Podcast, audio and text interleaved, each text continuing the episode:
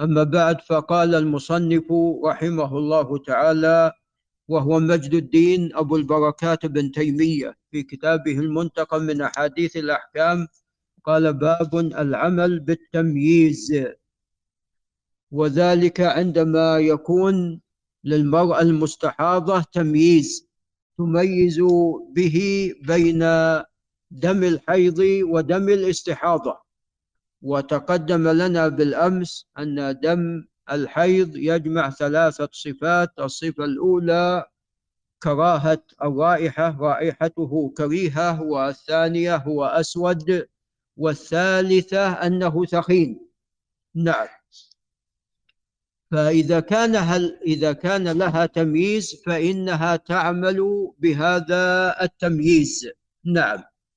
فالأيام التي تميز فيها الدم تعتبر نفسها حائض. فإذا انقضت هذه الأيام اغتسلت وصلت. وهذا عند المصنف إذا لم يكن لها عادة من قبل.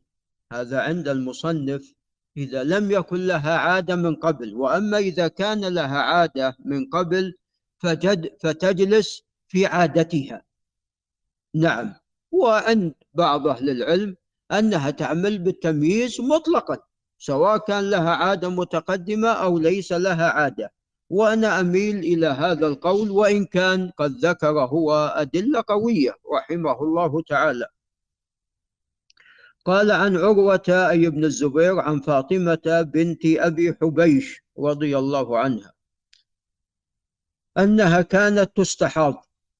فقال لها النبي صلى الله عليه وسلم طبعا هناك أكثر من امرأة استحيضت في عهد رسول الله صلى الله عليه وسلم يعني لعل ست أو سبع أو نحو ذلك.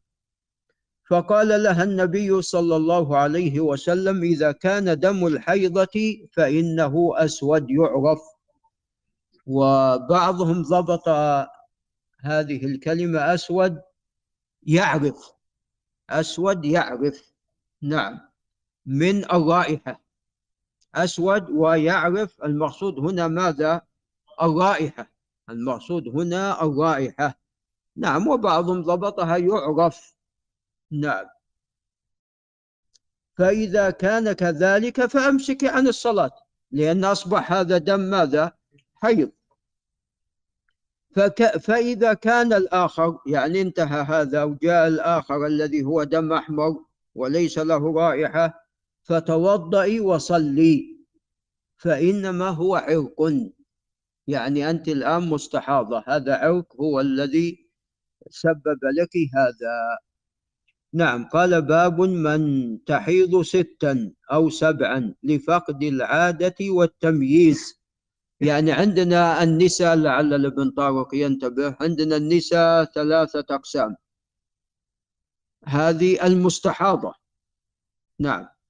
عندنا المستحاضة ثلاثة أقسام. إما أن يكون لها عادة من قبل ثم طرأ عليها ماذا؟ الاستحاضة. وإما أن يكون لها تمييز. وإما أن لا يكون لها لا عادة ولا ولا تمييز. يعني من حين بلغت والدم ماذا؟ والدم معها وليس لها عادة ولا تمييز. فماذا تفعل؟ فهنا هذا الباب معقود لهذه المسألة. قال عن حمنة بنت جحش رضي الله عنها. أخت زينب بن جحش قالت كنت أستحاض حيضة كثيرة شديدة مستمر الدم معها. فجئت إلى رسول الله صلى الله عليه وسلم استفتيه وأخبره فوجدته في بيت أختي زينب بنت جحش. زينب زوج رسول الله صلى الله عليه وسلم. وأما حمنة يا أبو ناصر فهي زوج عبد الرحمن بن عوف. نعم. قالت قلت يا رسول الله إني استحاض حيضة كثيرة شديدة فما ترى فيها ما الحكم؟ قد منعتني الصلاة والصيام. فقال أنعت لك الكرسف وهو القطن فإنه يذهب بالدم. قالت هو أكثر من ذلك. قال فاتخذي ثوبا. يعني حتى يكون هذا في وقت الاستحاضة. قالت هو أكثر من ذلك. قال فتلجمي مثل ما تتلجم الدابة حتى تمسك حتى يمسك هذا اللجام يمسك الدم. قالت إنما أثج ثجا فقال لها سآمرك بأمرين. أيهما فعلت فقد أجزأ عنك من الآخر. فإن قويت عليهما فأنت أعلم. فقال لها إنما هذه ركضة من ركضات الشيطان. إذا أحيانا بعض الأمراض ممن؟ من الشيطان. فتحيضي ستة أيام أو سبعة أيام في علم الله. قوله عليه الصلاة والسلام ستة أو سبعة هذا غالب النساء. غالب النساء ستة أيام أو سبعة. ثم اغتسلي. لأن خلاص انتهى يعتبر انتهى الحيض. حتى إذا رأيت أنك قد طهرت واستنقأت فصلي أربعا وعشرين ليلة. بقية ماذا؟ الشهر أو ثلاثا وعشرين ليلة وأيامها وصومي فإن ذلك يجزئك. تقدم أن الاستحاضة ليس مثل الحيض. نعم. وقد بلغني عن بعض أهل العلم لعل الشيخ أحمد الصالح ينتبه أن واحد من العامة. قال لأصحابه قال الشيخ يقول يجوز الإنسان يأتي المرأة الحائض. قالوا لا الشيخ ما يقول هالكلام. أي هو مخطئ حسب أن الشيخ يتكلم عن المستحاضة هو يحسب أن المستحاضة مثل ماذا؟ مثل الحائض. أي نعم. فقال أن الشيخ ما قالوا له الشيخ ما يقول هذا الكلام. نعم فالمستحاضة غير الحائض. نعم. نعم. نعم.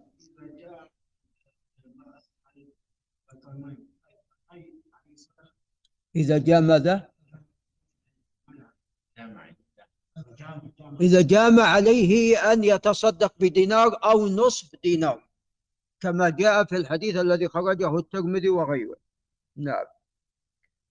قال وصومي فإن ذلك يجزئك وكذلك فافعلي في كل شهر كما تحيض النساء وكما يطهرن لميقات حيضهن وطهرهن وإن قويت على أن تؤخر الظهر وتعجل العصر فتغتسلين ثم تصلين الظهر والعصر جميعا ثم تؤخر المغرب وتعجل العشاء ثم تغتسلين وتجمعين بين الصلاتين فافعلي. طبعا يعني هذا ليس بمرفوع الأقرب وإنما هو قول بعض أهل العلم. فهي من ذوات الأعذار يجوز لها الجمع بين الصلاتين. نعم فافعلي وتغتسلين مع الفجر وتصلين فكذلك فافعلي. يعني هنا ثلاث ثلاث أغسال ثلاث أغسال في اليوم وهذا في مشقة ولا ما في مشقة؟ في مشقة وخاصة فيما سبق. وخاصة عند أهل الحجاز الذين ليس عندهم مياه جارية. نعم وخاصة هي امرأة ولها شعر غالبا فهذا يشق عليها فهذا كلام بعض أهل العلم. إي نعم تجمع بدون قصر. نعم لأن الجمع أوسع من القصر. قال فافعلي وصلي وصومي إن قدرت على ذلك وقال رسول الله صلى الله عليه وسلم وهذا أعجب الأمرين إلي رواه أبو داود وأحمد والترمذي وصححه. هذا طبعا فيه عبد الله بن محمد بن عقيل وفيه ضعف. قال وفيه أن الغسل لكل صلاة لا يجب. لو كان يجب لكل صلاة كما تقدم في اليوم خمس أغسال وفي الأسبوع 35 غسل. هذا مشقة الشارع لا يأتي بذلك لا يكلف الله نفسا إلا وسعها بل يجزئها الغسل لحيضها الذي تجلسه وأن الجمع للمرض جائز يجوز الجمع من أجل المرض والاستحاضة مرض الاستحاضة مرض وأن جمع الفريضتين لها بطهارة واحدة جائز. نعم طهارة واحدة مو بطهارتين. وإن تعين العدد من الستة أو السبعة وأن تعيين العدد من الستة أو السبعة باجتهادها لا بتشهيها. يعني إن كانت كا إن كانت تحيض ستة أيام تجلس ستة أيام. كانت تحيض من قبل. وإن كان سبعة أيام جلست سبعة أيام. نعم يعني المسألة ليست بالخيار. ما لها عادة تجلس غالب عادة نسائها من أهل بيتها أمها أختها خواتها. نعم. لقوله عليه الصلاة والسلام حتى إذا رأيت أن قد طهرت واستنقيت. نعم. ولعل نقف عند هنا. هذا وبالله تعالى التوفيق.